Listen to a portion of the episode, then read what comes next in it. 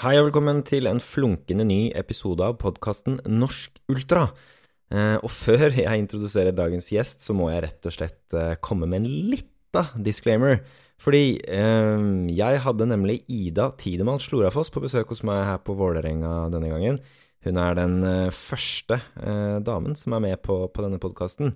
Og vi hadde en veldig fin prat, jeg og Ida. Eh, vi snakket vel en god 90 minutters tid. Det jeg fant ut etter at Ida hadde dratt, var at jeg rett og slett har klart å ta opp på feil linje. Det vil si at um, lyden er faktisk tatt opp på um, mikrofonen på min PC. Uh, så uh, den er langt fra uh, så god som den bør være for en podkast av dette kaliberet. Og også for Ida, som eh, fortalte en uh, kjempeinteressant uh, historie om sin vei inn i ultraløpingen. men jeg syns opptaket var for bra til at det ikke kan slippes. Så vi gjør et unntak denne gangen. Dette blir siste gang podkasten kommer til å ha så dårlig lyd. Men igjen, historien til Ida er eh, så spennende og fin at den synes jeg dere fortjener å høre. Og Ida hun reiste jo helt eh, fra, fra Kongsvinger for å komme hit. Eh, og det er vel en, ja, en times pluss kjøretur. Så mm, vi slipper episoden allikevel. Ellers så kan jeg nevne litt om Patron. Vi har fått fem medlemmer der nå. Og jeg er kjempeglad for at dere har valgt å, å melde dere opp for å bli patrons. Jeg setter utrolig stor pris på den eh, støtten jeg får. Jeg skal prøve å produsere mye fint innhold for dere. Og så håper jeg at eh, flere av dere som lytter, eh, ønsker å bli patron. Så ok, folkens. Jeg sier bare god lyttings og velkommen til Ida. Eh, hvordan var det du eh, oppdaget ultraløp? Oi, ja. Det begynte vel egentlig ganske smått i 2018, når jeg bestemte meg for å prøve å løpe et maraton. Jeg hadde vært på ferie, eller var på ferie i København, og tilfeldigvis den helga så var det København maraton. Eh, og jeg trodde at de som løp maraton, var bare sånn typ, ja, misforstå meg rett av en kjempespreke og løp veldig, veldig fort. Eh, men jeg så jo det at det var mennesker med i ja, alle former og fasonger. Mm. Så da tenkte jeg at å, i mai 2019 så vil jeg tilbake igjen til København, og jeg har lyst til å løpe mitt første maraton. Så da var det jo punkt én jeg måtte begynne å trene. Mm. Eh, og etter jeg hadde løpt det maratonet i mai 2019, så fant jeg ut at jeg, jeg syns ikke maraton var så langt som det alle hadde prøvd å skremme meg med at det, det var skikkelig langt å løpe maraton. Så da var det jo bare å finne neste løp, og gjerne litt lenger. Ja. Mm. Hadde du hørt om noe som eh, het ultraløp uh, før da? Nei. Nei, det kan jeg aldri tenke meg. Jeg syns uh, alt over 10 km hørtes veldig langt ut. Mm. Så, men jeg er jo, siden jeg har den bakgrunnen jeg har, så er jeg veldig vant til å leite gjennom terminlister. Mm. Eh, og planlegge sesongen. Det har jeg liksom drevet med siden jeg var 14.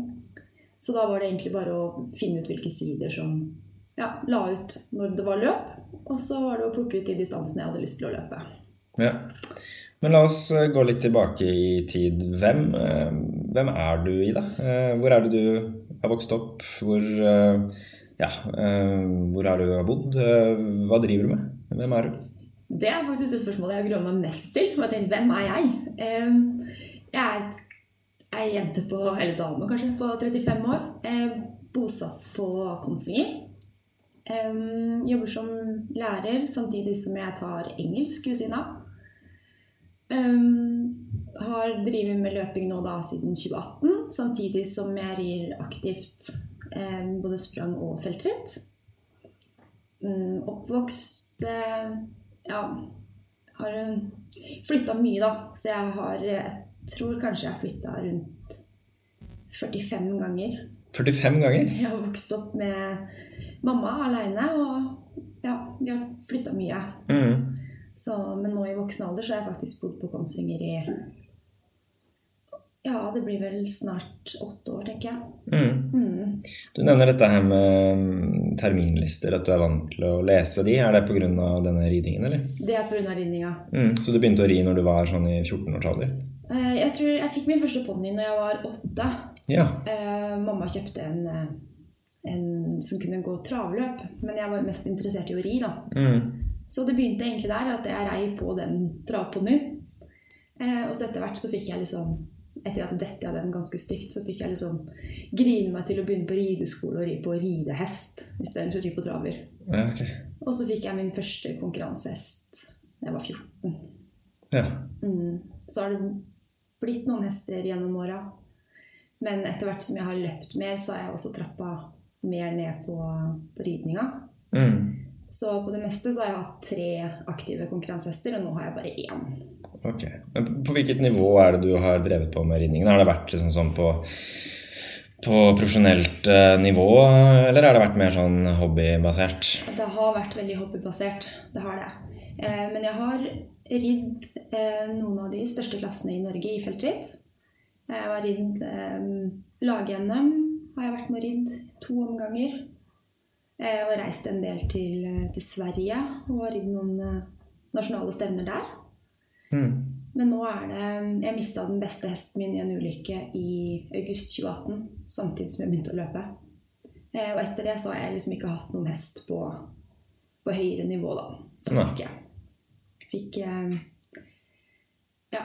Det er, ting har jo blitt mer kostbart, og det å ha hest er ikke, er ikke veldig billig. Det er dyrere enn karbonsko. Det er dyrere enn karbonsko. Altså, jeg skoer jo hesten min hver sjette uke Ja. for en nette sum av mellom 2000 og 2500. ja. Hver uke. Hver sjette uke. Hver sjette uke. Hver sjette Ok, ok. Ja, det blir jo, det blir jo litt penger, da. Ja, Mm. Så han har gode sko, og jeg har gode sko. Ja. Så er det fint å bare ha én. ja. Apropos gode sko, hva er det du pleier å løpe i? Ja, nå har jeg løpt veldig mye i X-Step, da. Ja. Eh, veldig, veldig glad i de. Så jeg har brukt de ja, faktisk på de to siste 24-timersløpene mine. Mm. Mm, også en del gode maraton også siste året. ja. Mm. Og det er jo en liten digresjon herfra, men eh, patrons eh, de får faktisk eh, 15% nå på, på, i avslag på Xtep-sko. Så hvis man går inn på xtep.no og, og sjekker ut eh, siden til Frode og co., så kan man få tak i veldig gode sko. Men tilbake igjen til, eh, til hesten. Ja. Um, du um, fortalte at eh, hesten din var utsatt i var var en ulykke.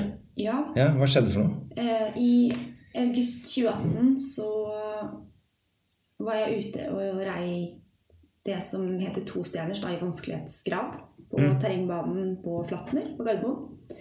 Jeg hadde kommet godt ut i banen, og så hopper jeg på et utsprang. Og idet hesten lander, så får han et såkalt sånn tretthetsbrudd i beina. Ja. Et åpent beinbrudd, så han detter. Eh, Og jeg detter selvfølgelig også. Også med et åpent beinbrudd da, på en hest, så er det jo ingenting å gjøre. Så han ble jo da avlivd der og da. Oi. Um, Så da hadde jeg automatisk én hest mindre. Um, Men akkurat da kjøpte jeg den hesten jeg har nå, da. Så jeg ja. hadde to. Men eh, ja, etter det så har jeg liksom ikke ridd Jeg har ikke ridd så høye klasser igjen etter det. Nei. Hvordan er det det treffer deg sånn som når du mister en hest på den måten der, liksom? Veldig spesielt. Og liksom, jeg hadde med meg to hester på stevnet. Den, du vet, morgenen du drar, så tar du med deg begge to. Du har med deg utstyr og mat til begge.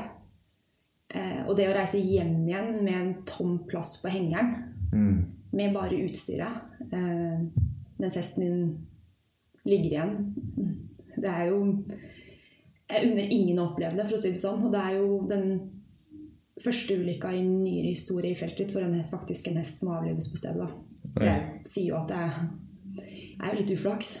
Men jeg, da. Ja, det vil jeg si er uh, veldig uflaks. Så ja. Og tenker man jo etterpå Jeg var jo Jeg er jo veldig sta. Så jeg tenkte jo etterpå at ja, men det her, eh, det her kommer jeg fort over. Jeg kommer sikkert ikke til å bli redd for å ri i terrenget igjen. Eh, Men hver gang, eller de neste ukene, når jeg kom på større hinder også med den andre hesten min, så, så fikk jeg liksom de bildene i hodet av Monåken, som han het. For når jeg falt av så, og landa på bakken, så så jeg automatisk at beinet hans kom ut bak kneleddet. Så de bildene dukka liksom opp i hodet mitt. At det, det beinet som hadde knekt og som hang og slang. da. Så automatisk så satte jeg litt på, på håndbrekket når jeg skulle ut og ri. Mm. Så hun treneren min sa jo det når jeg hadde lyst til å ri et stort stevne bare noen uker etterpå, at eh, det fikk jeg ikke lov til. Nei. Det var nødt til å ta det et steg tilbake. Ja. Så og det gjorde jeg. Det tror jeg var kanskje ganske lurt, da. Det er rart. Man tenker jo at sånne ting At man er tøff nok og sterk nok, at ikke det skal prege deg. Men det gjør jo det. Mm. Og du får jo sikkert et ganske nært forhold til disse hestene også. ikke sant? Det blir jo Altså, jeg har jo ikke hatt hest før, men jeg har hatt hund. Ja. Så man blir jo veldig glad i disse Ja. dyrene, liksom. Man gjør det. Man tilbringer masse tid med dem og legger ned veldig mye trening og tid og, og penger i det. Og i tillegg så var jo monoken hesten til mamma. Mm. Så jeg følte på en måte at det, det høres litt fælt ut, men jeg følte at jeg tok livet av hennes hest. Ja. Um, for at det ble jo selvfølgelig Sånne ting blir jo etterforska, ikke sant? Om, på en måte om jeg har ridd uforsvarlig, da, eller om det er jeg som har gjort noe feil. Om jeg har hatt for stort tempo, eller om jeg ikke var klar for å ri på det nivået, da. Mm. Um, Gudskjelov så ble det lagt ned da at eh, jeg har gjort alt riktig. At jeg var klar for nivået, jeg har ikke ridd for fort, jeg har ikke gjort noe uforsvarlig da. Men at han hadde en svakhet i det beinet som kom, kom litt akutt. Mm. Men det er jo, hestemiljøet er jo som de fleste andre miljø, at det skjer det noe, eller tråkker man litt feil, eller underpresterer, eller Det blir jo en snakkis. Mm. Så man skal være ganske tøff også for å møte opp igjen på stevner og møte de samme folka. Ja. Og man tenker jo automatisk at alle tenker at det, det er din skyld, da. ja, ikke sant. jo. Hvor lang tid tok det før du liksom var trygg på å ri konkurranser og, og sånn? Ja. Jeg kom meg jo Altså, jeg rei jo Jeg rei veldig fort igjen også. Jeg var på stevneheia etter Mm. eh, med den andre hesten min. Jeg tenkte at det er like greit å bare Jeg gikk ned noen klasser, men eh, tenkte at det var like greit å bare hoppe ut, hoppe ut i det. Mm. Så året etter gikk ganske greit, det, altså. Ja. Og, det her, og det her var i 2018? I 2018, ja. Ja. Eh, og da kom jo løpinga Da hadde jeg jo begynt å jogge litt i mai 20, eller juni 2018. Mm. Og da ble jo også løpinga brukt som terapi, ikke sant. Sånn som for veldig mange andre, da, med mye tanker, så kunne man løpe seg en tur. Og okay. så ble alt litt bedre. Vil du si at litt pga. den hendelsen så økte mengden og volumet du løp? Ja, det gjorde det. Um, jeg kjøpte ikke ny Jeg hadde jo en fra en igjen, da. Men jeg kjøpte ikke en til før eh, året etter. Nei.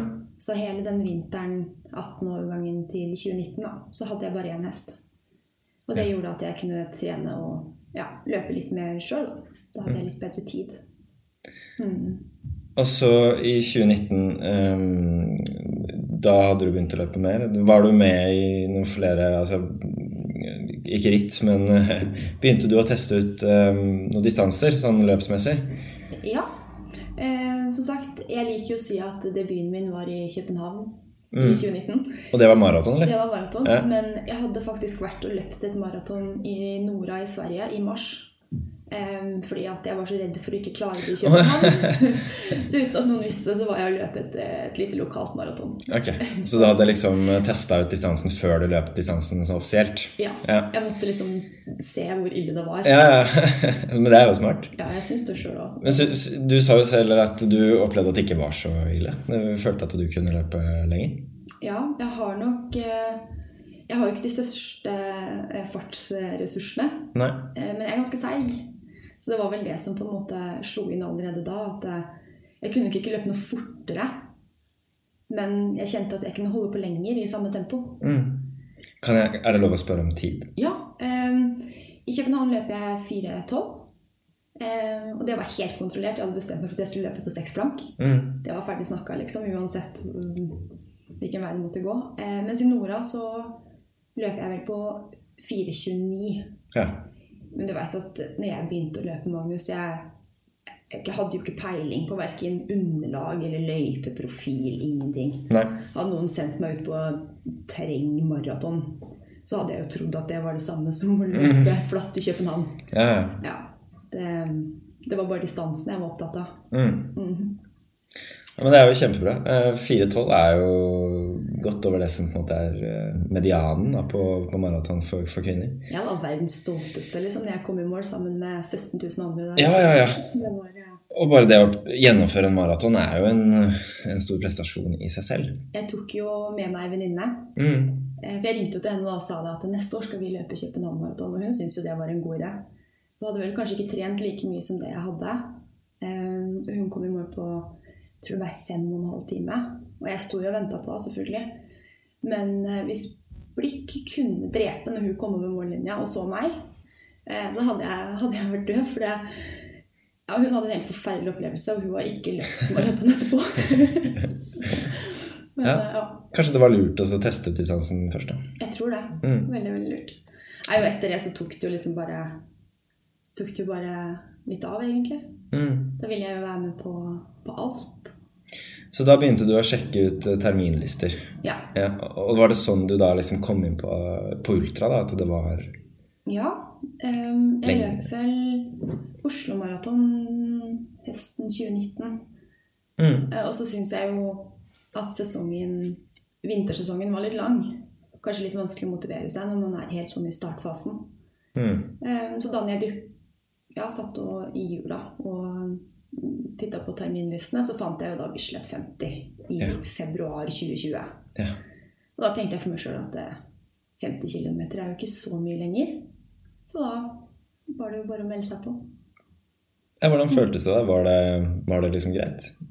Ja, det var kjempebra, ja. Ja. Det, var, eh, det er klart at når du ikke presser deg så mye som det jeg kanskje gjør nå, eh, da handler jo på en måte alt bare om å fullføre. Eh, Da føles det kanskje litt lettere. Ja, det er klart. Men du fullførte jo med, med glans, da. Den uh, første tida di der var jo på 4.30, var den ikke det? Jo, stemmer, stemmer. Ja. ja, Jeg husker jeg persa på maraton underveis, og alt var jo bare var kjempegøy. ja hva, hva passerte du maraton på? Eh, Var det 3.45, tro? Ja, ikke sant? Ja, jeg lurer på det. Det Tok var- litt i. Da var det bare fryd og gammen på Bislett Tartan. Ja, det var det, vet du. Ja. For det underlaget merka du ikke noe til. Gjorde ikke det da på 50, men nå har jo erfart i, i ettertid at det kan være ganske brutalt.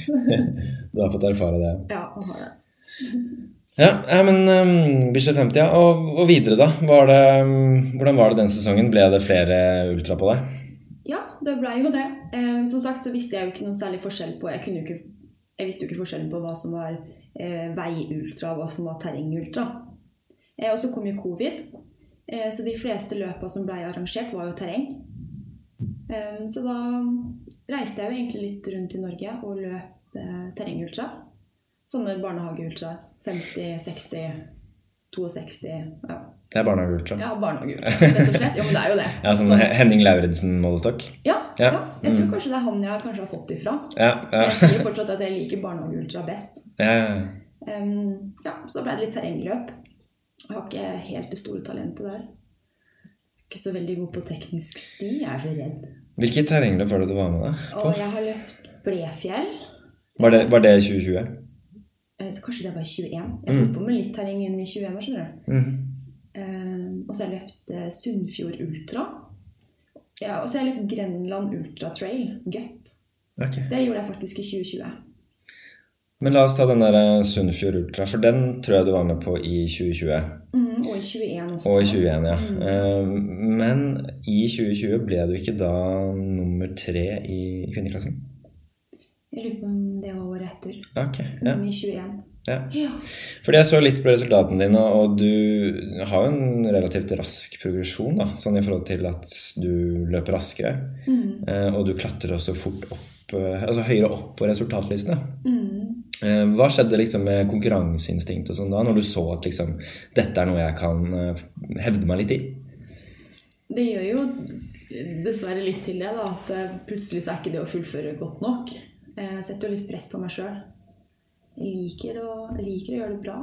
Mm. Det har jeg alltid gjort, sånn i forhold til ridninga også. Men um, det var vel i 21 jeg liksom begynte å Enten så ble jeg nummer tre eller fire. Mm. Begynte liksom å kanskje kunne klare å være topp tre. Og det er klart, det gjør jo noe med deg, da. Det ble fokus på å komme på pallen. Ja, det blei egentlig det, altså. Og så blei det til at eh, jeg har holdt på med, med hest i så mange år, og der er man på en måte to. Og det må på en måte stemme for hesten og for meg. Så det å kunne ha en idrett hvor det bare var meg sjøl, eh, som skulle prestere, var egentlig veldig godt. Mm. Istedenfor at hesten også skulle fungere hvis den hadde en dårlig dag, eller ja, hvis noe ikke stemte.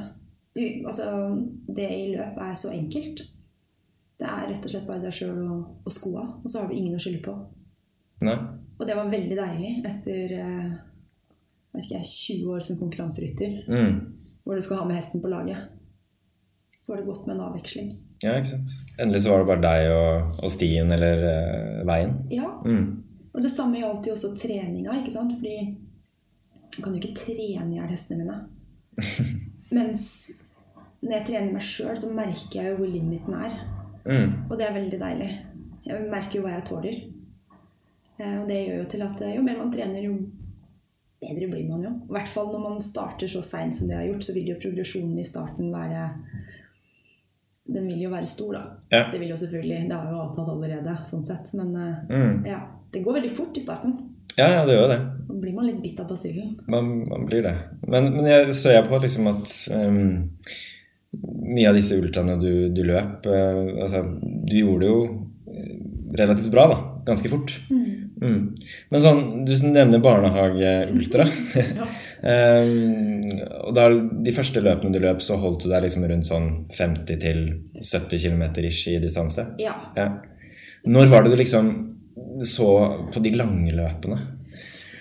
Åh, det var vel egentlig Når jeg begynte å kjenne at eh, 50-60 var litt sånn komfortabel, så hadde jeg lyst til å strekke det enda litt lenger. Mm. Uh, og da meldte jeg meg på Nøsen Hundreds. Og det er 100 miles, eller? Nei, 100 km. 100 km. Og jeg tenkte at det må jo være et fint sted å starte. Men det er klart at for ei som løper mest på grus og asfalt, så ble jeg jo 100 km i fjella i Valdres. Det tok jo ganske lang tid. Jeg tror jeg brukte over 14 14,5 timer. Men jeg hadde det jo kjempefint. Mm.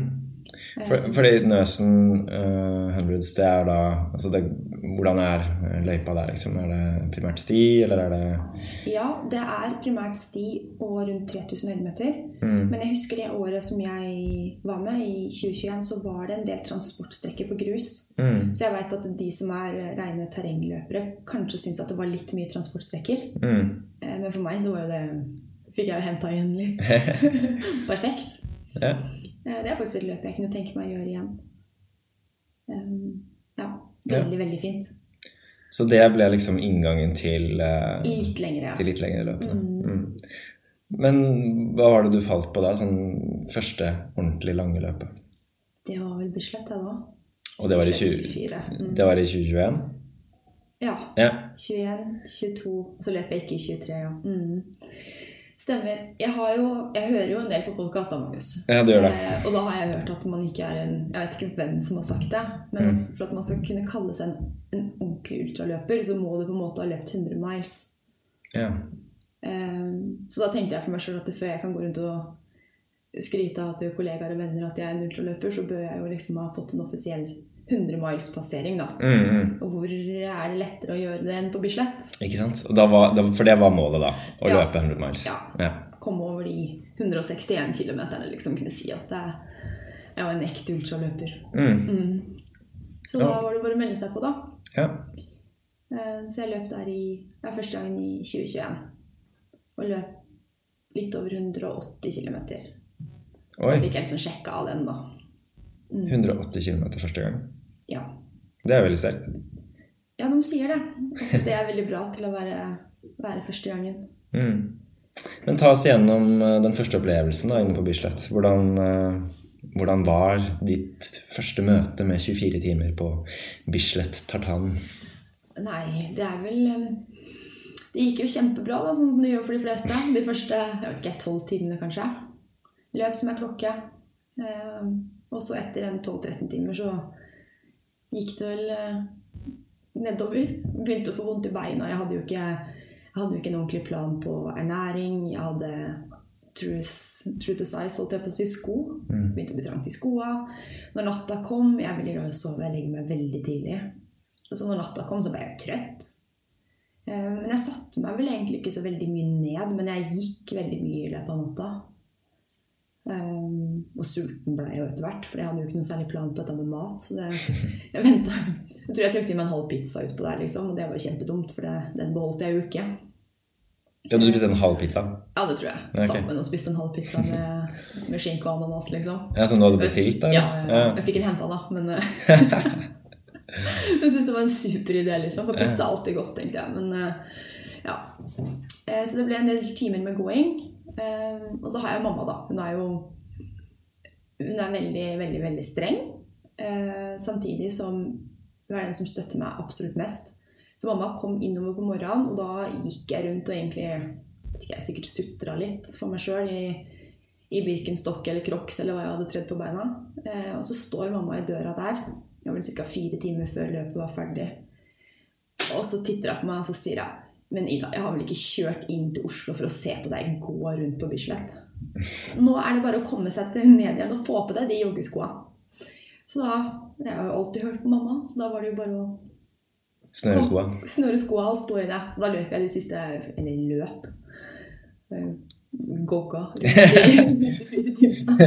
Gogga, ja. Gogga rundt. Ja. Ja, ja, når, du, når du nevner dette med Gogga Jeg husker eh, det ble jo laget en film fra Bislett i 2022, tror jeg. Jeg hadde så vondt. Ja, jeg vet det. Og er der er, jo du, der er jo du med. Ja, ja. For der gogler du, tror jeg, litt sånn på slutten. Jeg vagger litt som en gås. Men er det én ting jeg har lært, så er det man må aldri begynne å gå. fordi at det, uansett eh, hvordan du løper, da, eller gogger eller vagger, så går det fortere enn å gå.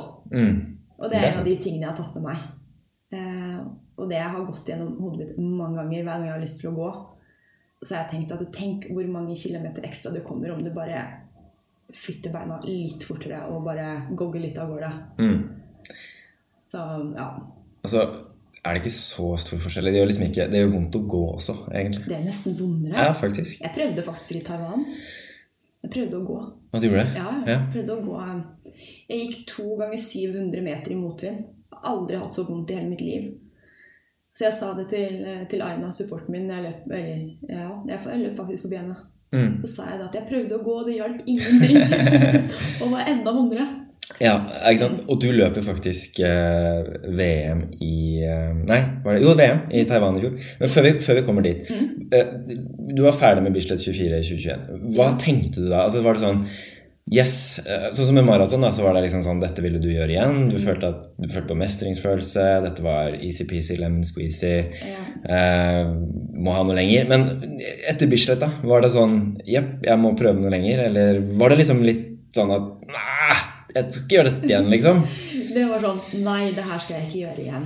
Eh, og jeg sa det liksom. Jeg er ingen 24-timersløper, og det sier jeg jo nå. Mm. Um, så jeg tenkte at det, det får være kjempebra at jeg har løpt i 180, og så får det være med det. Eh, Og så la jeg egentlig det på hylla. Ja. Så sesongen 2022 så Jeg var vel ikke over Oslo-trippelen var lengste, tror jeg. 73. Og så du veit, så nærmer det seg Bislett, da. 2022. Oslo-trippelen er da under Oslo Maraton i september det året, ikke sant? Ja, Ja. stemmer. Så nærmer det seg Bislett igjen, da. Og jeg er jo medlem i Romerike ultraløperklubb. Og alt var jo utsolgt. Og så tenkte jeg at det er jo kjett å gå glipp av årets lengste julebord. Alle skal jo dit. Det er jo veldig sosialt. Jeg kan jo bare være der. Og hvis jeg ikke har lyst til å være der, så kan jeg dra hjem. Og så gjør det ett siste forsøk Mm. på å komme litt lenger. Eh, Så beskytta jeg meg litt bak det at det var utsolgt. Men jeg sendte en melding da til Olav Engen. At hvis det dukker opp en startplass, da, så eh, vil jeg gjerne være med. Og da fikk jeg svaret, Olav. Klart du skal løpe Bislett. Her er voucher-koden. og det var sånn 14 dager før eller noe. Oi. Ja, så da måtte jeg gjøre det igjen.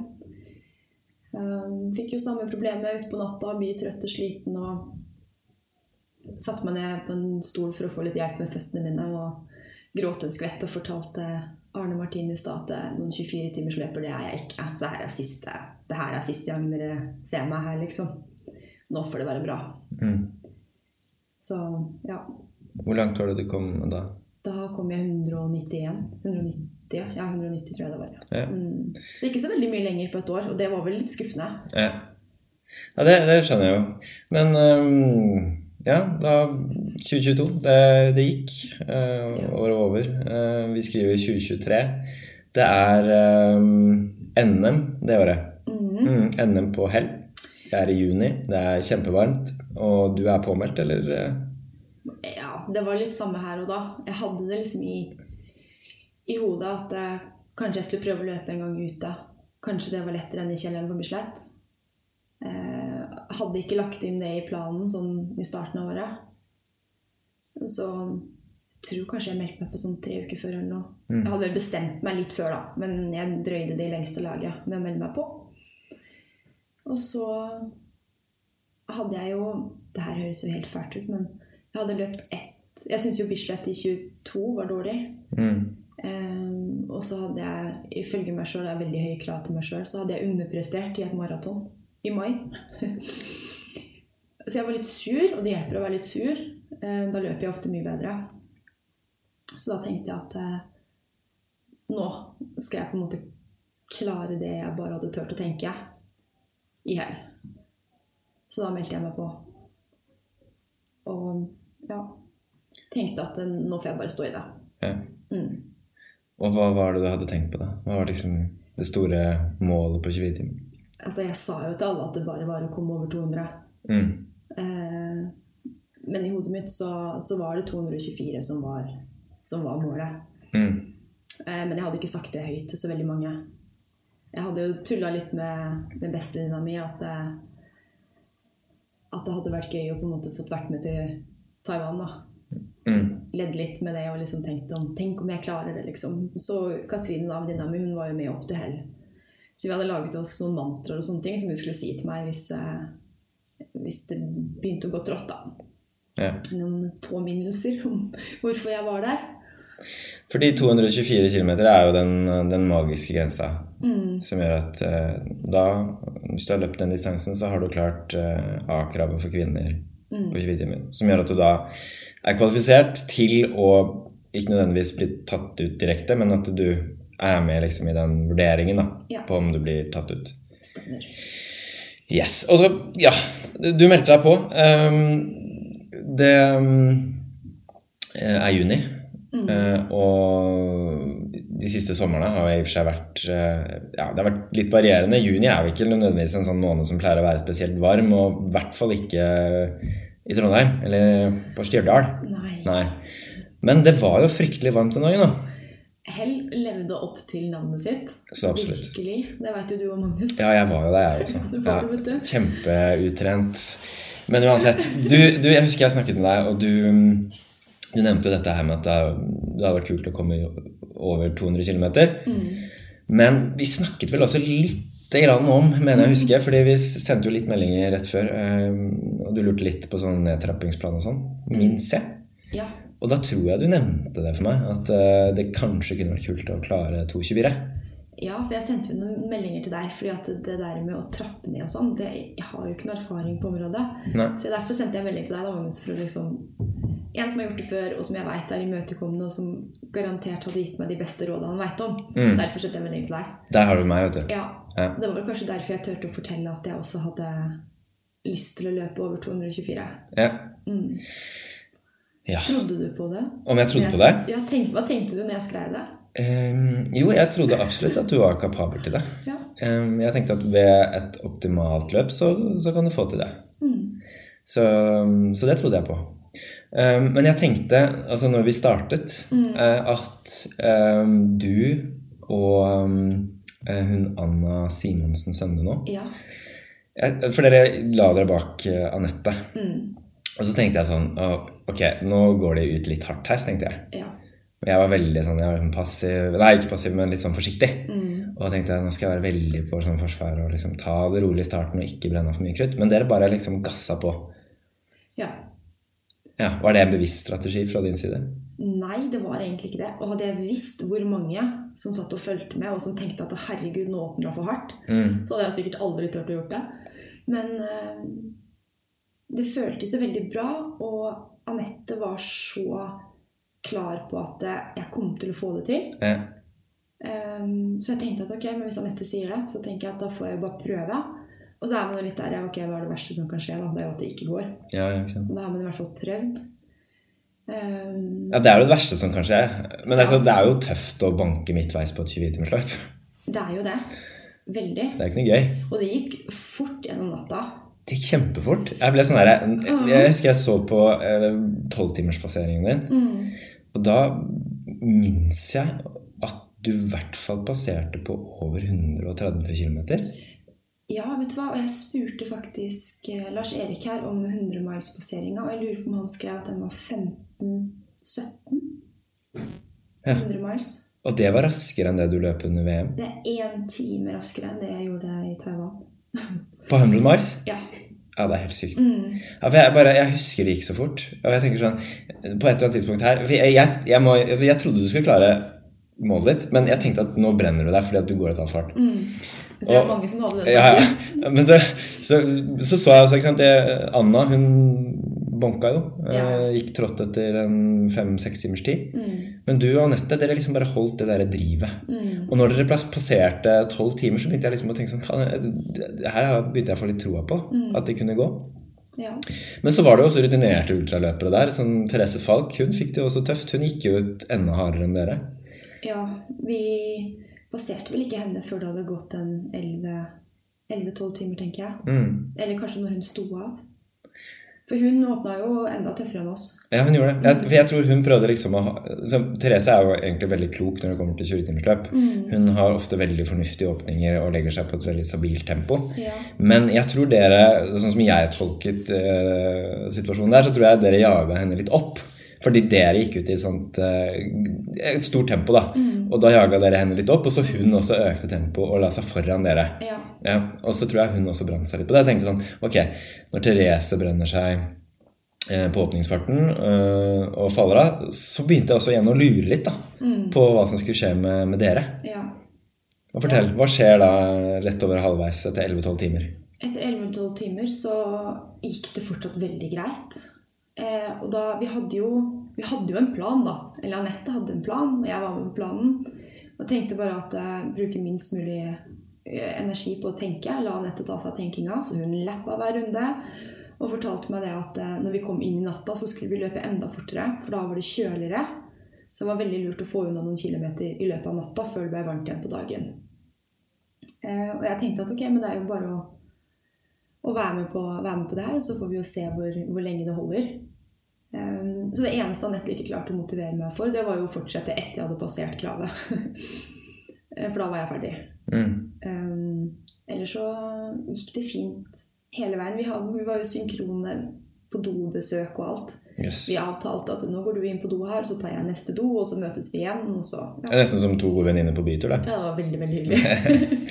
Men, Men jeg tror, det, jeg tror det er grunnen til at det gikk bra, da. ja, men men kjente du liksom sånn eh, La oss si du har løpt 13-14 timer. Mm. Hvordan var følelsen i beina da? Fortsatt veldig fin. Ok, Ja. Det var det som var så deilig. Når var det du begynte liksom å kjenne litt på det? Eh, Rundt uh, 17, tenker jeg. 17 timer. Mm. Mm. Jeg syns det gikk ganske bra helt opp til, eh, til 185-190 km. Mm. Hva skjer da? Jeg stivner altså utrolig i hoftene. Ja. Og da har du løpt ca. 200 K? Ja, jeg lurer på det. Ja. Det var 200. Mm. Og jeg kjente at, at jeg begynte å få veldig vondt i, i høyresida på hofta. Mm. Og det var liksom ikke sånn smerte som du tenker at eh, det her går over med litt hvile, men jeg tenkte at eh, ok, men det her kan jo bli ille. Altså jeg Mm. kan jo være skada lenge. Ja. Begynte jeg å tenke da, liksom, for at det var noe jeg liksom ikke hadde kjent på før. Ehm, og så begynte vi liksom å regne på det, da. Ehm, jeg var veldig opptatt av etter 19-20 timer å spørre, spørre supporten min Katrine da, og Håvard Hvis jeg begynner å gå nå, Mm. hvor langt klarer jeg å gå før, eh, før det har gått 24 timer? Klarer jeg kravet? Eh, og de var nok ikke helt sikre sjøl heller. Så hver runde så bare Nei, men du må løpe litt til. Du må løpe én runde til. Litt til. Eh, til vi var helt sikre på at det gikk, da. Så de siste Jeg tror det siste kanskje to og en halv, tre timene av løpet, så gikk jeg. Jeg gikk og grein. Jeg var så glad. Mm. Jeg var så glad for at det hadde gått. Og ja. Jeg, jeg, Men jeg, jeg kommer bare to kilometer lenger enn kravet. ja, det er ikke bare det, da. Nei, ja, men eh, Det ble 226 Ja.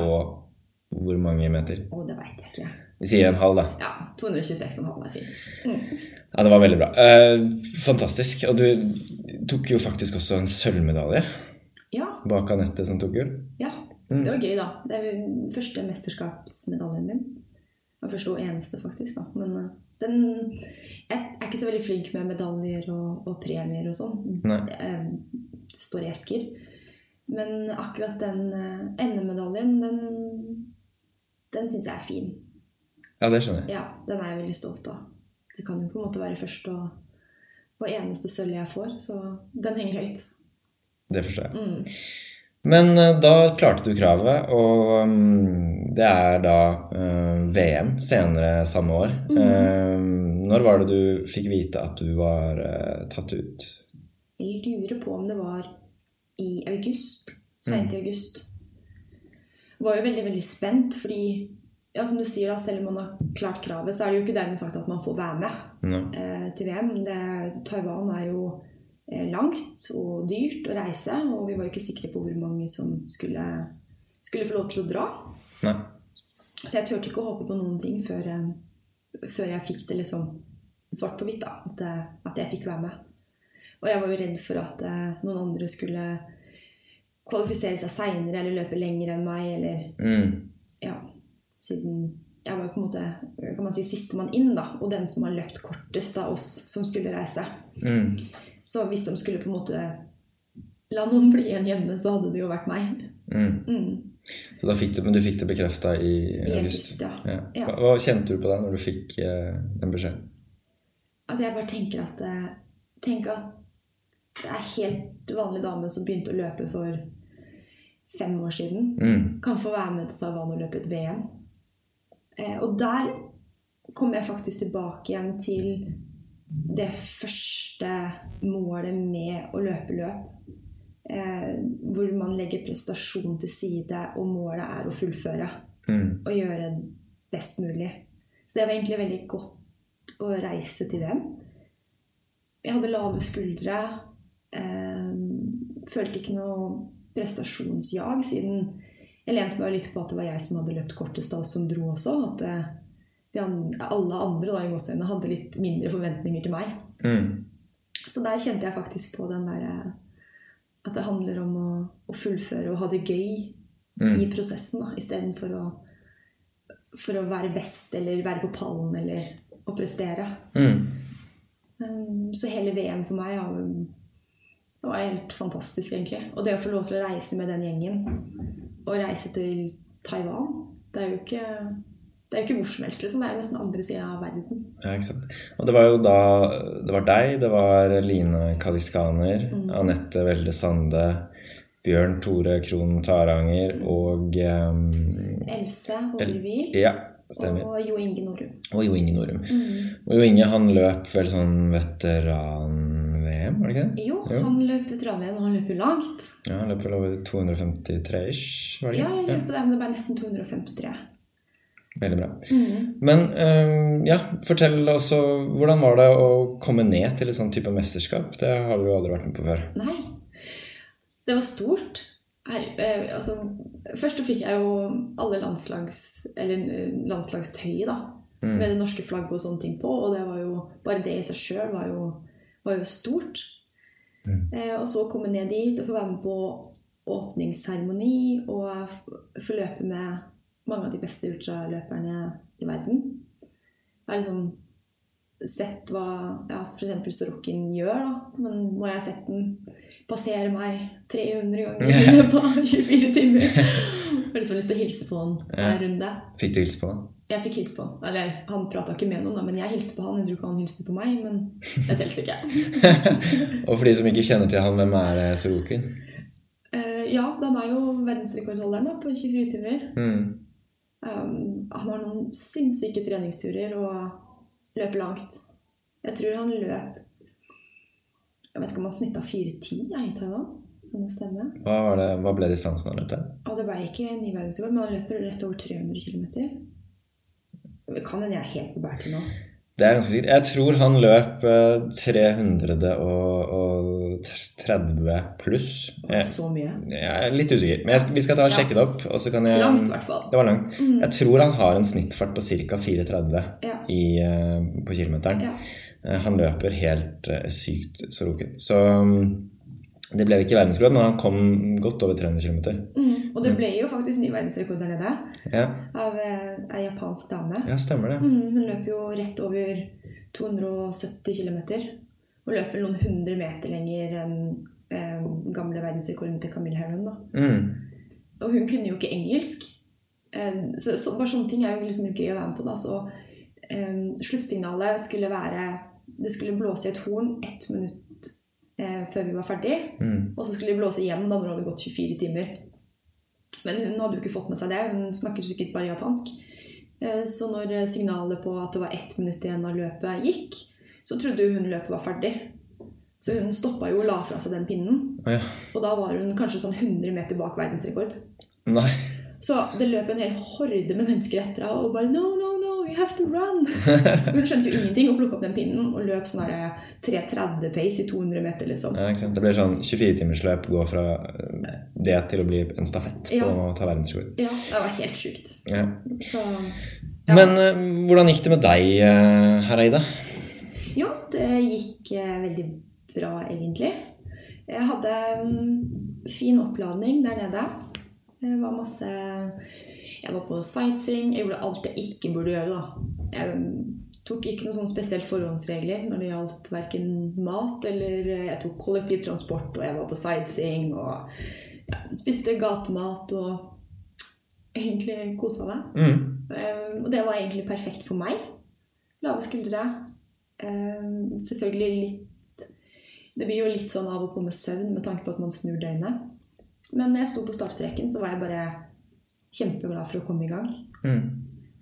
Har lært, lærte veldig mye også underveis i løpet. Jeg åpna jo litt for hardt også i, under VM.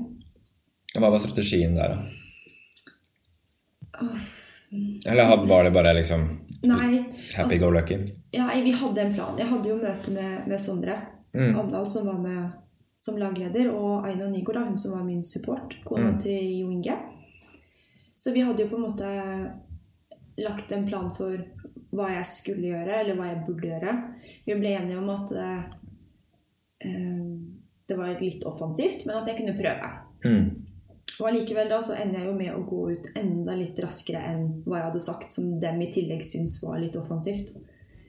Eh, Men jeg oppdaga det ganske tidlig.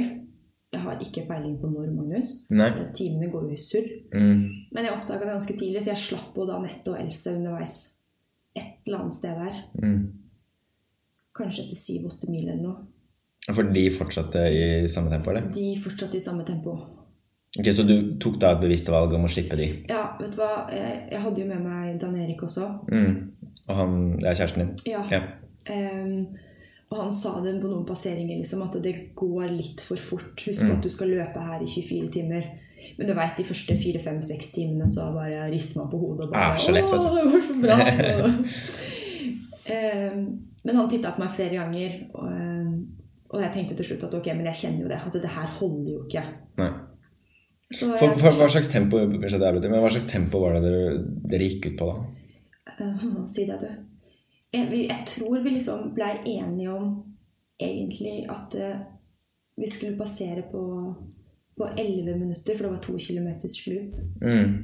Og det vil jo si 5.30 pace, da. Mm. Uh, men så hadde vi runder på 5.20.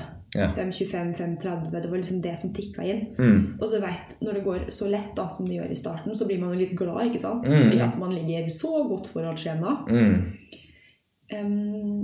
Så det blei veldig mange flere runder under 11 enn over.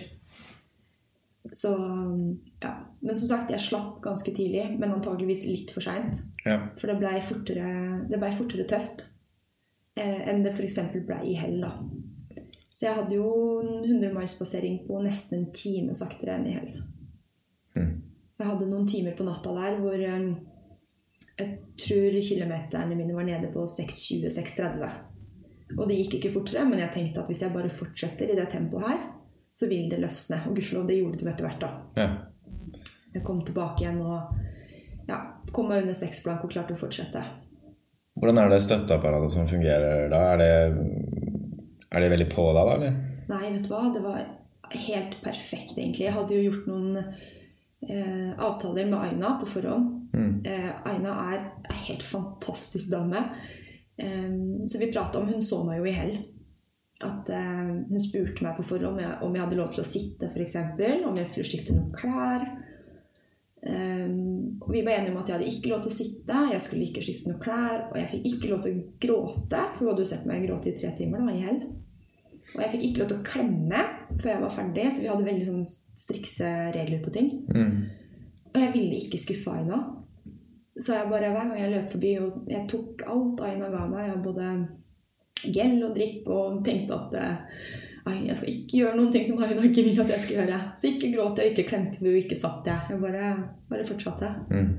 Og så hadde jeg jo Dan Erik i tillegg, som, eh, som sto på sidelinja og heia. Ja, hvordan fungerte han, da? Det å ha kjæresten sin der er litt spesielt. Ja, veldig. Det blei egentlig mm, bestemt ganske tett opp i avreise at jeg skulle ha han med meg. Eh, Det var fordi at det var første mesterskapet, og at jeg skulle reise så langt. Eh, Så ble jeg liksom litt usikker på om kanskje tankene mine hadde tatt litt overhånd hvis jeg ikke hadde hatt med meg noen. Eh, At jeg hadde blitt mer nervøs, og at jeg ikke visste hvordan jeg skulle agere. Eller hvis jeg begynte å tenke at jeg ikke var god nok. eh, Noen til å bremse litt på treninga, få meg til å slappe av. Mm. Eh, Og han har jo vært proffsyklist. eh, Og reist mye og bodd i utlandet og holdt på med det i ti år. Og han har en veldig, det er han som er bremsen, for å si det sånn. Ja. Så det var veldig fint å ha med han. ja. Han eh, fikk meg til å slappe av litt. Da tenkte jeg at hvorfor ikke ta det som en ferietur i tillegg. Perfekt, da. Det var helt nydelig.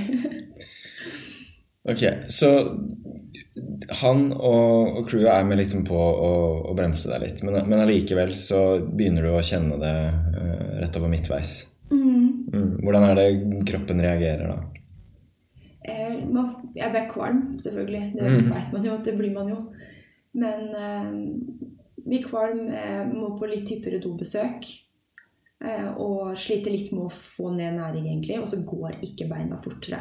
Nei, men du klarer likevel å holde det gående? Ja, Ja. holder det gående, men det gikk liksom ikke fortere. Nei. Så måten jeg kom meg ut av det på, var jo eh, at jeg veit at Aina og Dan Erik la om eh, planen litt på næring. Mm. Jeg tok, eh, Aina syntes jeg tok inn for lite, og det syntes vel Dan Erik også, så de ble enige om at jeg skulle ta inn mer. Um, jeg vet ikke, eh, jeg fikk vel Farris, tror jeg, Mm. istedenfor sportsdrikke. De gjorde noen sånne endringer, i hvert fall i hva jeg fikk. Mm. Eh, og Aina sendte med meg noe ut nesten hver runde. Hun sa bruk så lang tid du vil på å ta det, men det skal ned. Um, og så når kvalmen begynte å slippe, så tenkte jeg for meg sjøl ok, hva gjør man f.eks. på en rolig tur da, for å på en måte få opp tempoet litt. Og da tenkte jeg stigningsdrag. Eller stigningsløp, da. Okay. Så det jeg gjorde da, det var jo en enorm motvind ene veien. Og så en, en vending rundt en seile. Og så hadde vi medvind tilbake igjen. Så det jeg gjorde da, var jeg begynte å kjøre noen, eh, noen stigningsløp i medvinden. Mm. Bare for å få beina litt kvikkere. Og når jeg hadde kjørt de stigningsløpa en fire-fem runder, så fløyt det fantastisk godt. Da var det Det var så Jo Inge sa den ene gangen bare 'Hva har skjedd?' Jeg bare 'Jeg tror jeg er på en runners high'. Da var det bare å Jeg tror kanskje jeg hadde en fire-fem veldig, veldig gode timer. Hvor det bare fløyt, og det føltes lett ut igjen. Ja. Og den følelsen skal jeg ta med meg at uansett hvor tungt det blir, så kan man komme seg ut av det igjen, selv på en 24 timer. ja, det er ganske utrolig. Ja. Det må jeg også ta med meg til Finland. Det skal du ta med deg til Finland. At uansett hvor tøft det blir, Ja. så kan du komme deg ut av det. Du må bare ikke gi opp. Nei, for jeg er litt pinglete. Nei, det må du ikke. Må ikke pingle. Nei, ikke pingle. Ikke pingle! Og så må du huske at du må aldri sette deg ned, Magnus. Aldri. Det Nei. gjør så vondt. Ja, det gjør det. Aldri sett deg ned. Og så må du prøve den der Du får prøve å gogge litt. Jeg må google litt. Litt den der gåsegangen. Du tenker på meg og bare Ida kommer seg framover. Jeg skal bruke, bruke litt uh, triks fra deg. Men ok, du kommer deg i gang. Du fullfører med stil. Og hvor langt uh, løper du? Jeg løper 231,7 km. Og da klarte du målet ditt, da? Jeg gjorde det. Det er fantastisk. Jeg sa til Sondre Aina at jeg har veldig lyst til å løpe over 230. Ja. Og det gikk. Veldig, veldig bra. Jeg husker du sa det til meg også. når Jeg snakka med deg litt før, uh, før løpet. Ja.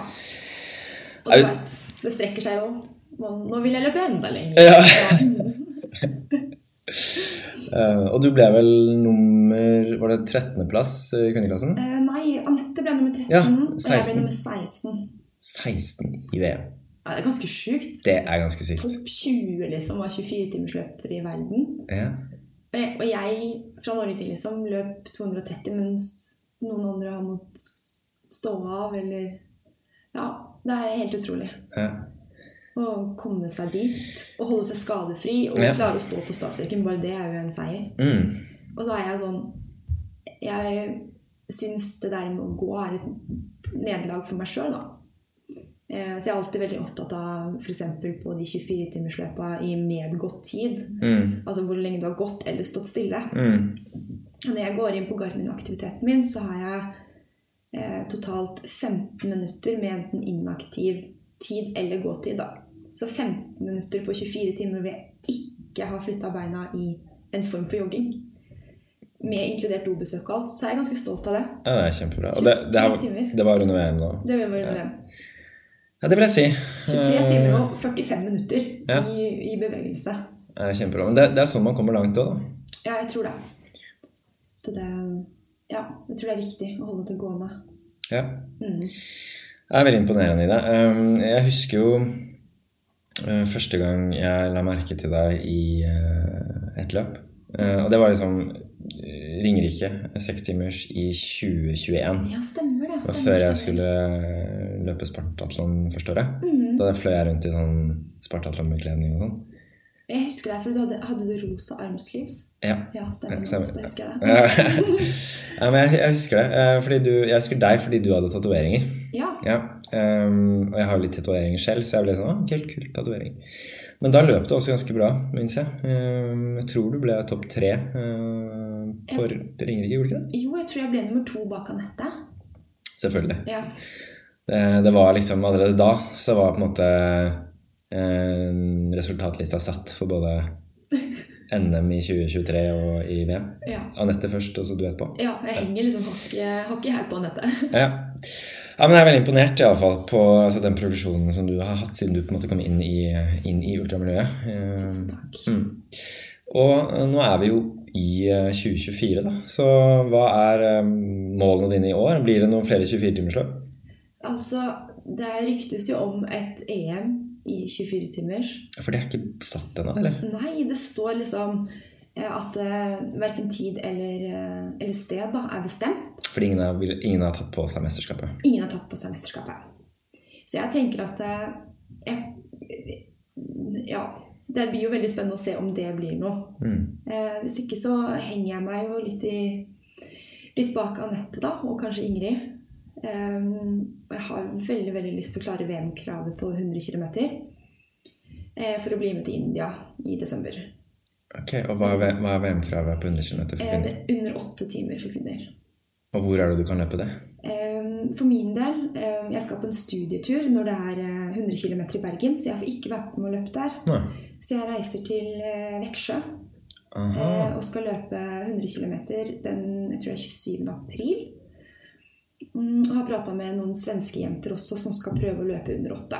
Ok, For det, det er utendørs uh, konkurranse, er det ikke det? Ja, det er det. Samtidig som både NM, nei, SM i 100 og SM i 24 timers går. Det er en sånn ultraløpsfestival. Stemmer det.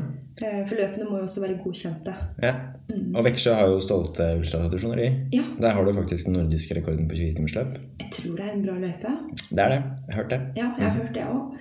Så plan A, da, det er jo å klare kravet allerede 27. april. Ehm, og så får man jo se. Er jeg veldig, veldig langt unna, så blir det ikke noe forsøk nummer to. Um, er jeg litt nærmere, så reiser jeg til ehm, Og ikke har klart det, så reiser jeg til Skjøvde Ja. i starten på juli. Og Der er det også en annen svensk ei som skal prøve å løpe kravet under åtte. ja. Mm. Hva, må, hva slags fart må du ha da for å komme under åtte? Um, Det er vel 4,48, Det er vel akkurat 7,59,59. Ja, stemmer. Så men det er vel kanskje greit å prøve å løpe rundt 4,45. Ja. Mm. Det blir i hvert fall spennende i det. Men, men eh, andre lange mål i år, eller? Um, ja Jeg skal løpe Jeg har lyst til å løpe en sekstimer. Det har jeg ikke gjort på noen år. Nei. Jeg har noe uoppgjort der, hvor jeg bomma med 80 meter for å nå 70 km for noen år siden. Eh, Og så har jeg lyst til å løpe Oslo-trippelen. Ja. Um, Så er jeg jo veldig glad i å løpe veldig mye lokale løp da, hjemme. Mm. Syns det er viktig å stille opp for de som, eh, som arrangerer. Mm.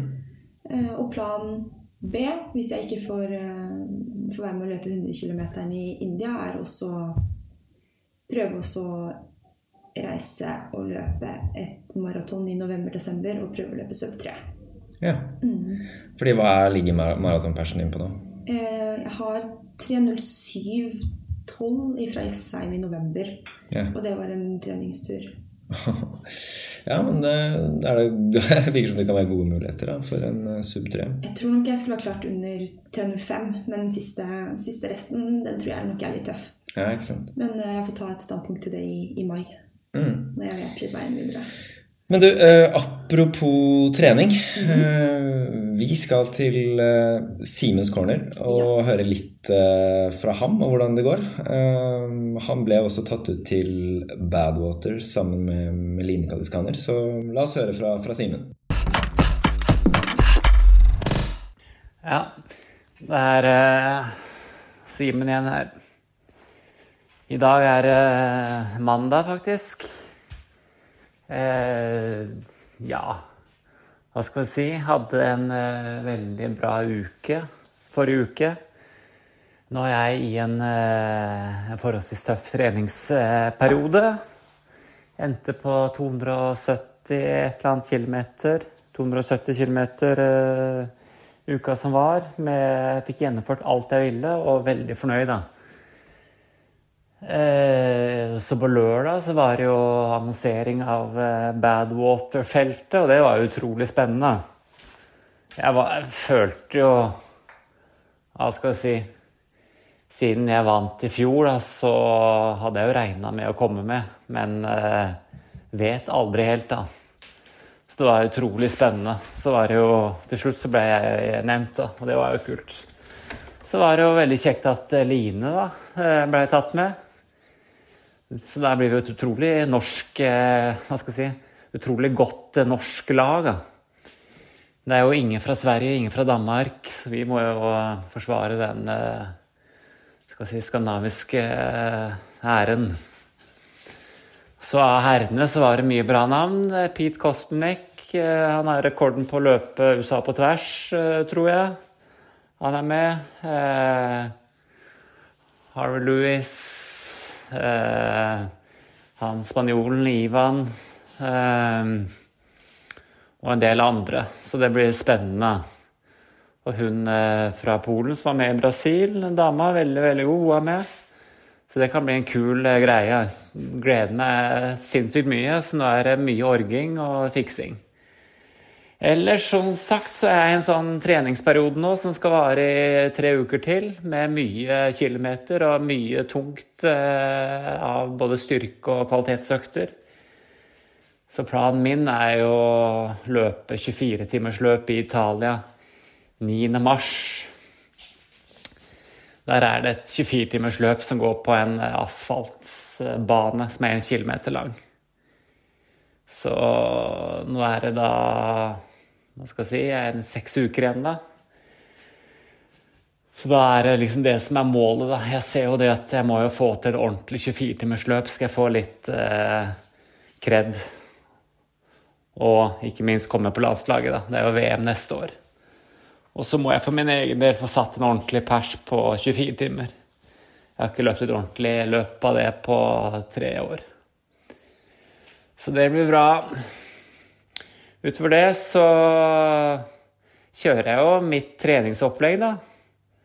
Og det er jo, skal vi si Tre kvalitetsøkter i uka. Én intervalløkt, én bakkegreie, én tempo.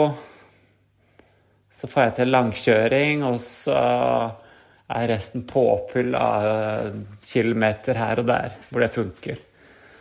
Og så prøver jeg alltid å få inn eh, to styrkeøkter. Det tror jeg er fryktelig viktig. Og så tar jeg litt sånn eh, infrarød sauna-opplegg foran TV-en eh, hjemme. Det syns jeg er Ja, det kan si mye om infrarød sauna. Og det er jo dokumentert at det er fryktelig mye hva skal jeg si, fordeler da, av eh, alle ulike varianter, men for min del så er det Hva skal jeg si? Det er bare at det føles så sinnssykt digg å sitte foran TV-en der. Eh, svetten renner. Det, det, føles bare godt. Og det er rett og slett nok for meg, da. Eh, jeg gjør ikke dette nødvendigvis for en sånn detox eller eh, varmeadapsjon eller whatever. Jeg bare registrerer at pulsen går opp, eh, som en eh, Som om jeg skulle ha løpt en eh, ja, rolig langtur. Jeg har ofte en puls på 140 når jeg sitter der inni der.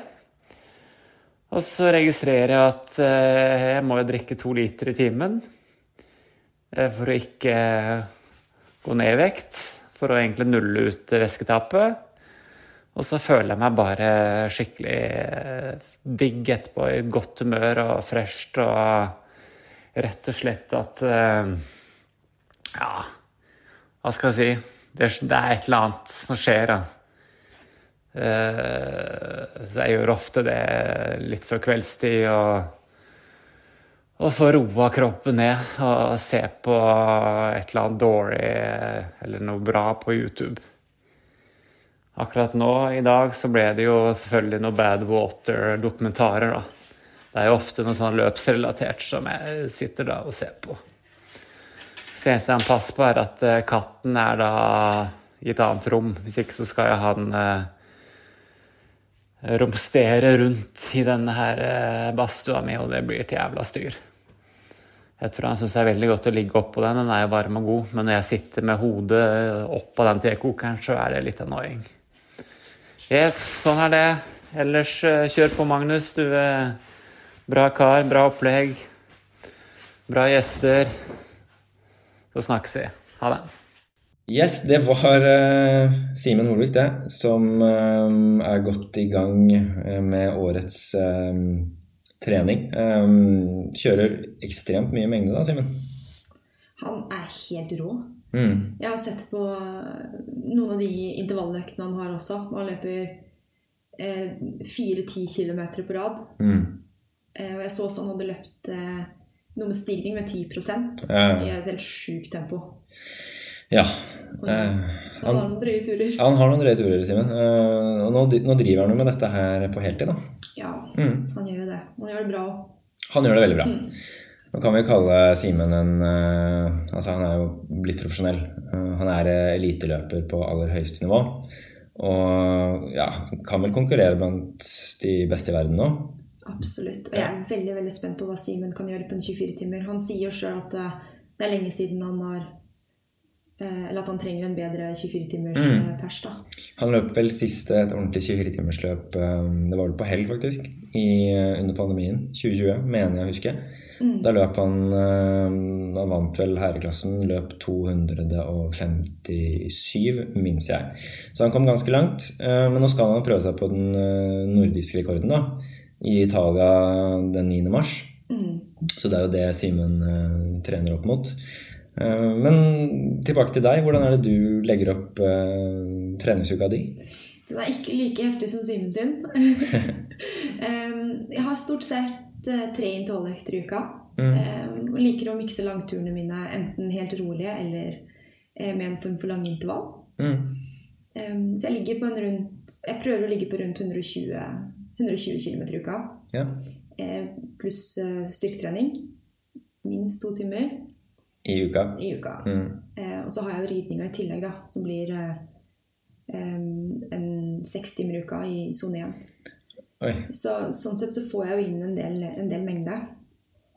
Men eh, nå på vinterstid så syns jeg 120 km er det jeg får til i den hverdagen jeg har, da. Mm. I forhold til at jeg har full jobb og har mye å styre med.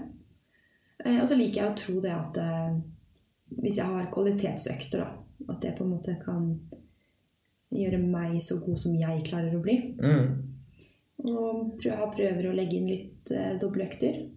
Både dobbel terskel eller ja, doble rolige. Ja. Alt etter hva jeg, har, hva jeg har tid til, da.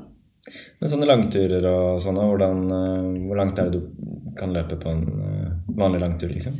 Det høres jo ikke ut som langtur i forhold til det Simen gjør, men jeg tenker alt, alt mellom 25 og 35. Mm. Eh, ellers er jeg veldig flink sånn i sesong til å ta konkurranser som langturer. Mm. Syns det er mye lettere med, med startnummer og litt sosialt. Og Ja. ja, får man øvd litt på konkurransesettingen i tillegg. Ikke sant, så blir det jo en ordentlig kvalitetsøkt òg, hvis du løper maraton på, på 307, liksom. Ja, Eh, Det var siste utblåsninga før, VM. ja, ja. Eh, ja, ellers jeg hatt, jeg hadde noen treningsturer i fjor på ja, sånn fem blank på noen maraton. Mm. Ja, Liker å være litt harde. Jeg Være med å pace andre. Mm. Jeg så du pacet hun eh, Katrine Lorentzen. Ja, Ja. stemmer. Tiende til pers, faktisk. Ja, både på Jeg prøvde å mm, pace henne til pers på et maraton også, men den tror jeg gikk litt skeis. Men jeg klarte på et halvmaraton, i hvert fall. Mm. Så jeg har um, troa på at eh, man gjør det bedre hvis man løper sammen. Ja, det er vel forska på også, at eh, det er en fordel å, liksom, å, å løpe sammen, og helst i mer enn to. Ja, Mm. tror jeg veldig Jeg tror man har Jeg merker i hvert fall hvor mye utbytte jeg har av det. Mm. Hvis andre får lov til Hvis jeg kan være med å bli dratt av andre, eller Ja. være med i en gjeng, da. Men eh, har du noen trener, har du noen coach som på en måte hjelper deg med, med å sette opp en plan, eller? Det var jo, det var jo sånn jeg møtte Dan Erik. Um, vi møttes på den tida her i fjor Ja. med at han begynte å hjelpe meg litt med, med treninga. Jeg syns jo at eh, jeg trente litt eh, lite effektivt, da. Mm. vil at trenings, eh, treningstimene mine skal være litt mer effektive, sånn at jeg får mer utbytte av treninga. Mm. Så Ikke var- så mye sånne junk miles. Nei, han er ikke helt for det. Han skjønner egentlig ikke hvorfor jeg driver og jager så mange kilometer heller. Han mener at de skal komme litt naturlig yeah. hvis øktene er gode, da. Yeah. Um, Så det begynte egentlig der. Og så etter hvert nå som det har utvikla seg til at eh, vi er kjærester, så, så har den coachingrollen coaching-rollen gått litt mer om til å være supporterrolle. ja. Og det er for ikke å ødelegge forholdet sånn oss imellom, for det er ikke alltid jeg hører på han, skjønner du, Magnus. Oh, nei. Nei. Eh, så han sa det her nå i ja, etter Taiwan, faktisk, at eh, jeg tror jeg trer over i supporterrollen, og så får du spørre meg hvis du trenger hjelp. ja. Ja, Så det har vi liksom gjort nå, da. Men det er veldig fint å ha en, ha en sparringspartner. ja. Eh, og jeg prøver å høre på ham når det gjelder intervalløktene. Mm. Så ja, så får vi se om jeg Men jeg tror han får holde seg til den supporterrollen. Ja. ja men det jo, så da, da, da legger du opp eh, treningsuka selv, da, på sett og vis. Ja, jeg men gjør jo det. du sparer mye med, med han Ja. når du, Når jeg, når jeg når du trenger det. Ja, Men det høres fornuftig ut, det, da. Høres eh, Ja, jeg tror det er lurt at vi gjør det sånn. Men øh, treningen din nå om vinteren, hvordan er den eh, kontra treningen din inn mot mer eh, altså, Når sesongen setter ordentlig i gang, da, sånn inn mot våren og sommeren? Øh. Jeg tror kanskje, i hvert fall den vinteren her har vært prega av veldig mye mølle. mm, uh, fordi at det er veldig glatt ute, og punkt to ja, Kongsvinger har vært skikkelig skikkelig kaldt. mm, Det var en kuldeperiode igjen nå. Um, så jeg har jo hatt litt, em, litt lengre drag på mølla enn jeg kanskje har når jeg løper ute. Så det blir litt raskere, raskere intervaller ute når det nærmer oss sesong. mm. Det gjør det. Og litt lengre langturer også enn å gjøre det mine på mølla. Um, det er vel største forskjellen, kanskje. Okay. Og så gjelder det jo å finne ut Siden jeg løper såpass mange løp da, som jeg gjør, eh, så setter jeg dem opp i hvordan de er prioritert. Om det er A, B eller C-løp. Mm. I forhold til hvor mye jeg skal trappe ned eh, på treninga i forkant. Eller ingenting i forkant, i den forstand. Ja. Mm. Men hvordan er det du trapper ned? Eller hva, hva som legger opp det, liksom? Mm, egentlig bare at jeg, jeg kjører kanskje like mange økter, bare kanskje halvparten av volumet, halvparten av intervalldraga. Ja, veldig, veldig basic, altså. Ja. Halvparten, cirka. Eh, 14 dager før. Mm. Det, Høres fornuftig ut. Men uh, Simen han driver jo også en del med, med varmetrening. da. Uh, sitter i badstue og, og koker. Mm. Uh, driver du med det, eller? Nei, jeg gjør egentlig ikke det, altså. Um, men jeg dreiv litt før, eh, før Taiwan, faktisk. Um, da løp jeg eh, mange av rolige øktene mine i, med tøy da, på mølla. Mm. Da kjøpte jeg meg en sånn eh, vernedress. Sånn som man hadde under covid. Eller kjøpte. Vi hadde på jobben. Ja, ok. Sånn smittevernstrakt.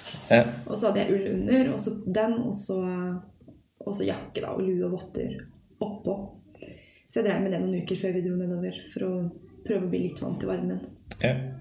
Men eh, jeg har ikke noen spesielt stor erfaring med det. Så jeg syns det er litt eh, vanskelig å vite hvor man eventuelt skulle ha begynt. da. Mm. Men, men du har ikke noen sånne tanker om uh, å være med på Badwater eller uh, Spartatlon eller noe sånt, du, da? Nå har jo du sagt da, at jeg burde være med på Spartatlon. Ja. Ah, Men dere er, det er så langt, Magnus. Det er ikke så langt. Å, det er langt. Å, jeg har liksom ikke helt eh, kommet dit ennå hvor jeg syns at det er komfortabelt. Det er bare 16 km lenger. Ja, vent, da. Du løp 231. Ja, Ja, da er det en 15 km til, da. ja så skal du ha på litt høydemeter, da. Ja. Og litt terreng og litt sånn på der. Og jeg bare, jeg kjenner at kanskje limiten min enn så lenge går på 24 timer. Mm. Og så plutselig tanken på å være ute i Jeg vet ikke hvor lang tid jeg hadde brukt. 30? Mm. 30. Det er så himla lenge. Jeg hadde jo sikkert sovna på veien. Så jeg er, ikke helt der ennå. Jeg trenger litt mer overbevisning. ja. ja, du har jo fortsatt øh, øh, Ja, det er vel en eh, tre ukers tid å avgjøre det på. For nå stenger søkevinduet inn mot Spartatlon eh, den 25. februar.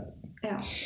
Men eh, Badwater er jo også Simen innom, eh, og både han og Line Kaliskaner er jo tatt ut dit. Så det er to sterke norske løpere som, som Simen sier, skal forsvare eh, den eh, nordiske æren i år. ja. Ja. Og jeg tenker Simen har jo gjort det en gang. Og ikke det at det ikke er spennende med Simen, men Simen gjør jo mye sånn Ja, øh, Brasil, og han har jo vært øh, og 48 timer, så han gjør jo mye sånn. Han gjør ikke annet enn å sitte i badstue. Men jeg er så spent på Line. Ja, ja. Hun sier jo at det her passer henne perfekt med, med asfalt og med varmen. Og, Mm. og så er det vel kanskje litt sånn eh, at man heier litt ekstra på Line fordi at det, er også en jente. ja. Jeg syns det er kjempekult at hun er den første norske dama da, som får, får løpe Badwater. ja. Absolutt. Ja, det er kjempekult at hun, eh, hun blir tatt ut. Eh, Det er jo strenge krav for å bli tatt ut i Badwater også. Eh, Ja. Sånn at ja, Hun har, har vel ikke vært der nede som pacer heller, og ofte så er jo det en fordel at du har vært der nede og, og paisa. Ok, ja. Nei, så det, vi sender eh, to veldig gode løpere ned til eh, USA i, i juli. Mm. Så vi skal snakke litt mer med, med begge to eh, i forbindelse med at de er tatt ut. Men eh, vi må jo tilbake til Norge. Eh, og vi var jo inne på Bislett eh, 50. Eh, Ja. At det var ditt første ultraløp. Stemmer. Og det som er litt trist nå, er at nå er det ikke noe Bislett 50 lenger. Nei, det var veldig synd. Mm. Og jeg har lest ganske mange reaksjoner på det, og det virker som om det er veldig mange andre også som syns at det tilbudet Mm. Eller at det er dumt at det er borte, da. Jeg er veldig enig. Jeg syns det er trist at man ikke har en sånn type innendørs 50 km lenger. Mm. For det er jo ikke så mange 50 Jeg vet ikke om det er noen særlig med 50 km i Norge, egentlig. I hvert fall ikke innendørs. Ikke innendørs, og de 50 Ja, det er eh, Jeg løper jo en 50 i høst på, på Eidsvoll. Ja, Perseløpet. ja stemmer. Og så har du vel sånn der, eh, greier i Kickmaster 50 km i Drammen og sånn. Ja. Ja. Det er ikke så mange lenger, altså. Nei. Og det er jo synd med tanke på at 50 km også er jo eh, VM. Det fins jo 50 Mm. km i VM. Ja, eh, så det, det er synd at Bislett tar det bort. Men de har jo da et alternativ til denne 50 km, og det er jo en sånn trippel. Ja. Ja, du skal ikke være med på den, da? Nei. Nei. Det frister egentlig ikke så mye å prøve å løpe alt du kan i både maraton, halv og ti eh, inne på Bislett. Jeg tror for min del så hadde det vært mer nedbrytende i en treningsperiode eh, Ja. enn at det hadde bygd meg opp til mine 100 km i april, da. For du hadde ikke klart å løpe den rolig? Nei. Du måtte gønne Ja, liksom? jeg tror ikke jeg hadde klart å holde igjen. Ja. Også med tanke på at det var det ti plasser.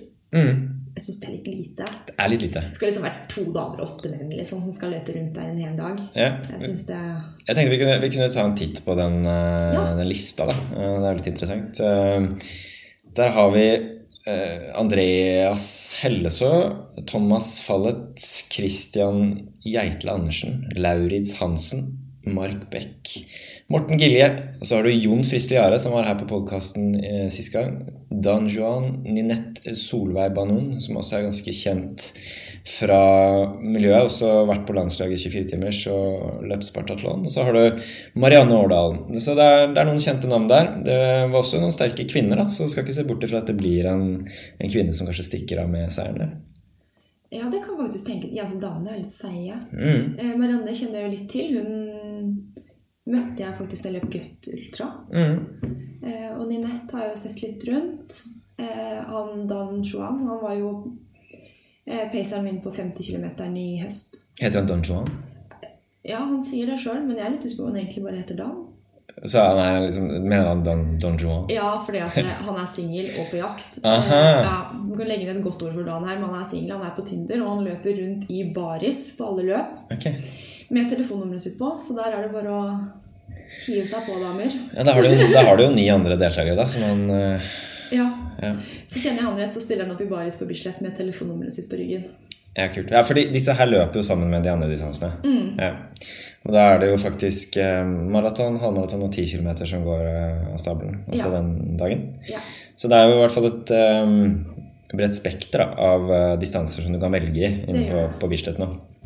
Sånn sett så inkluderer det flere enn bare ultraløperne. Men eh, igjen, det er, eh, det er helt klart et savn etter Bislett 50. Ja, absolutt. Mm. Men man ser jo at det er veldig populært, da, for det, de satte jo opp ekstraklasser. En ekstra 10 km på fredagen. Å, de gjorde det? Eh, fordi at det ble fulltegna 10 km på lørdag. Mm. Jeg tror det var med 60 plasser. Mm. Så vi er faktisk en gjeng på ti stykker som reiser inn når vi skal løpe 10 km på fredag. Ja, du skal det? Ja, Ja. litt sånn Jeg trenger de litt raskere treningsturene Hva er, hva er ambisjonen din eh, der? Har du noen perseambisjoner? Eh, vet du hva, nei, Det tror jeg faktisk ikke. Jeg har løpt så mye på mølla, så jeg fikk meg en liten wake-up call forrige uke når jeg skulle flytte beina mine på egen hånd. Mm. Um, så mm, jeg tror kanskje at jeg skal kunne klare å holde mellom 4.05 og 4.10 Mm. på en bra dag. Nå går det litt seint på kvelden, men eh, jeg, er ikke, jeg er ikke god for noe mer enn det. Men eh, hva er pers på 10 km? Eh, uoffisielt så har jeg løpt under 40 Mm. på 39,50 et eller annet. Men offisiell tid er vel mm, 41,20. 41,30. Du kan jo kanskje ta offisiell tid, da. Kanskje Ja. jeg kan ta offisiell tid. Kanskje.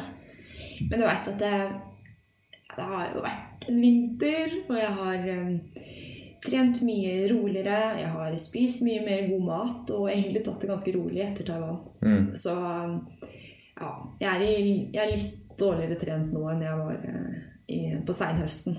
Ja, det er litt preseason. Så ja, det er det, altså. Og februar er tidlig å skulle løpe en, en rask tier. Mm. Så det får bli det får bli det du blir. Men når du står der på startsjekken med startnummer og sånn, klarer du liksom å legge deg på 4-10-4-5, eller er det sånn at du bare Du kommer til å gi på litt? Altså, nå har jeg vært og løpt på Bislett i dag for å prøve å finne pacen, da, siden klokka ikke fungerer der nede. Og jeg syns det er veldig vanskelig. Enten så gikk det litt for fort, eller så gikk det litt for sakte. Så, så jeg må rett og slett bare løpe på følelsen. Mm. Og så får jeg ta det jeg får på slutten. Men eh, 18 runder er jo eh, I mitt hode så høres det ikke så langt ut, men jeg veit jo at det blir langt hvis man, hvis man piker på runde to, liksom. Ja. Mm. altså 18 runder, ja. ja. Fordi du har jo løpt noen runder der inne før, kan man si. Ja, et par Ja. stykker. Nærmere en Ja, blir ikke en rett i underkant av en 400 runder her, da, når du løper ja, du, 190 er vel persen din der inne? Ja. Ja. ja, det er jo 380 runder ish, da. Ja, Mm. så jeg har gjort det to ganger, da, pluss noen 50 og sånn. Så ja, det har jo blitt noen runder. Mm. Men det er jo vanskelig når man skal opp i tempo. Helt klart. Kjenne på så man, Jeg har ikke Hadde noen bedt meg løpe i 440 eller 450 pace, så kjenner jeg jo igjen følelsen. Mm. Eh, men nede på livet mitt så jeg klarer ikke å kjenne om jeg ligger i fire blank eller, eller fire ti, liksom. Nei. Det er eh, kjempevanskelig ennå. Men, men du har liksom i og for seg ikke noe å tape der sånn egentlig, har du det? Nei, jeg har ikke det. Det blir jo bare en bra fartsøkt. Ja. Så lenge man ikke drar på seg en dum skade. Ja, men det tror jeg ikke bank i bordet, altså. Men jeg kan jo ikke klare det inne på Bislett på en 10 km. Nei, du kan ikke det. Så lenge du varmer opp godt nok først og Nei, jeg skal varme opp masse. Ja, det er bra. Mm. Du vet en ultraløper trenger Ja, ja, apropos det, jeg så jo faktisk eh, Anette drev og løp noe sånn kretsmesterskap eh, på mellomdistanse og kortdistanse. Ja. Eh, Vært ute og løpt 800 meter og 3000. Ja. Ja. Vi, vi prata litt om det når vi var i Taiwan, at, eh, at vi skal være litt tøffere til å stille opp i underdistanser. ja. Eh, nå trodde jeg Anette også mente halvmaraton og 10 km, sånn som jeg har tenkt, men hun går jo enda kraftigere til verks og kjører 800 og 3000. Eh, jeg er ikke helt der ennå. Nei, Men eh, ikke jeg jeg Eller heller. 1 5000 i fjor, så vi får se. Kanskje jeg får løpe to i år. Ja. Ja. Hvor 5000, ja. Hvor fort gikk det? Mm, 19, ja, 1950 kanskje. Ja. Jeg merker at jeg spør deg veldig mye om tid i dag. Ja, det går helt fint. Ja, det går greit. Ja, det er ikke alt jeg husker sjøl, da. Men jeg veit i hvert fall at jeg løp under 20.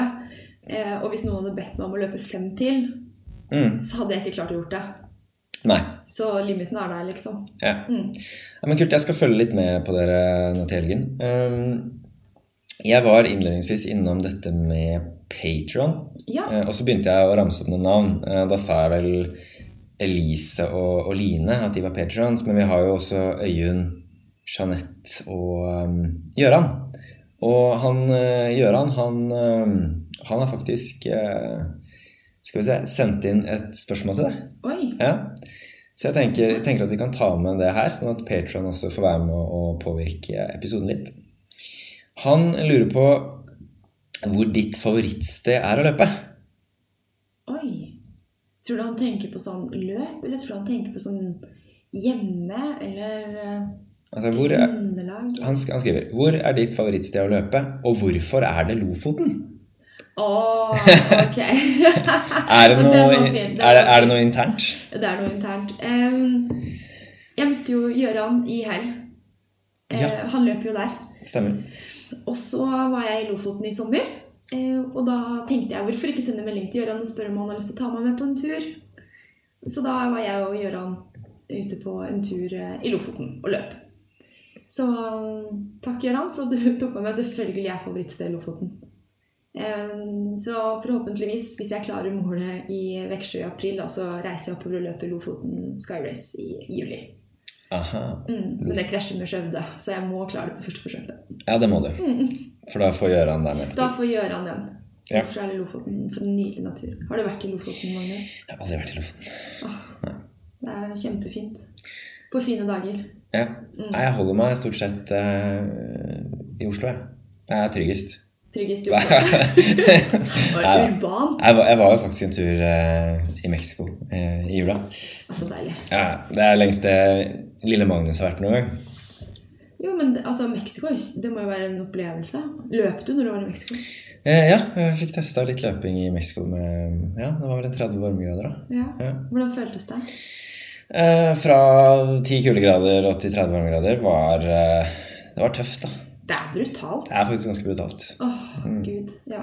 Det steiker godt altså, når sola titter gjennom. Ja, så jeg har litt å, å trene på, kjenner jeg, sånn inn mot uh, Hellas Ja, i september. det blir spennende. Men heldigvis er det litt igjen, og mm, ja, det er uh, Finland først. Mm, det blir kjempespennende. og Der gleder jeg meg til å følge med. Ja, Og jeg gjør skal sitte på siden av, kanskje. Jeg ble egentlig litt skuffa da Jeg hørte du hadde fått med deg support. For jeg tenkte at jeg, kanskje jeg kunne spurt Magnus om jeg kunne vært med som support i Finland. Ja, Da hadde han ikke fått lov til å gå, han hadde ikke fått lov til å sitte. ja det, det må jeg huske på. Så, men det kan jo hende at eh, Jeg tror ikke det skal skje, men hvis Maria trekker seg, så får du, skal jeg si fra. Ja, gjør det. Gjør det. Yes, nei, men Ida, det var uh, utrolig hyggelig å ha deg med på, på podkasten. Jeg vet ikke om det er noe du ønsker sånn å avslutte med? sånn helt på tampen her? Egentlig ikke noe annet enn å si tusen takk for at jeg fikk lov til å komme. Det var veldig, veldig hyggelig. Mm. Eh, Det har gått fort, og jeg har masse jeg kunne snakka om. Ja, ja. Mm. ja, du får komme tilbake igjen en gang eh, ja, inn mot høsten etter at du kanskje har vært med på EM, eller at du har vært med på Var det VM i 100 km? Ja. Ja. Jeg har drømmer om en tur til India. Ja, ja, det skjønner jeg. Du må bare gunne på i Veksjø. Jeg skal prøve på det. Vi Mm. krysser fingra. Det var Ida Tidemann Slorafoss, det, folkens. Eh, tusen takk til deg, Ida, for at du stilte opp eh, på podkasten. Eh, satt utrolig pris på det. Eh, ja, og så, folkens, jeg lover at dette her var den aller, aller, aller siste gangen jeg kødda det til med lyd. Eh, sånn skal det ikke være. Jeg skal vedde på at Marius han sitter eh, hjemme og river seg i håret over hvor håpløst dette var. Eh, jeg håper jo allikevel at det har vært eh, hørbart for, eh, for folk flest. Og så lover jeg at jeg kommer sterkere tilbake i neste episode. Da har jeg en liten godbit spesiale til dere, og da skal lyden være pitch perfect. På gjenhør.